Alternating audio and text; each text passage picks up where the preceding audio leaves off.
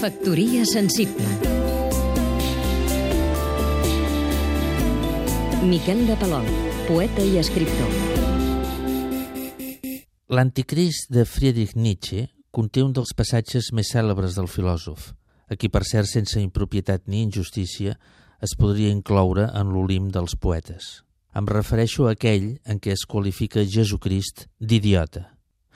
Com sap tothom que s'aproxima a Nietzsche, ha costat dècades restablir els seus textos tal com ell els va deixar.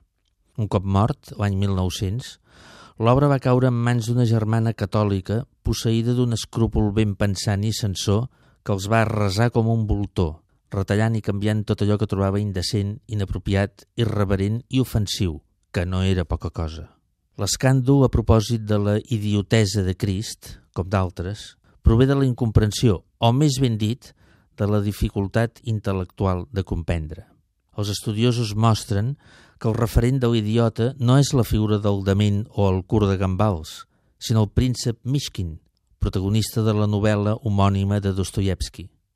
I Nietzsche en desglosa els atributs en un context, tradueixo, de desferres de la societat i dolències nervioses, com una barreja de sublimitat, malaltia i infantilisme.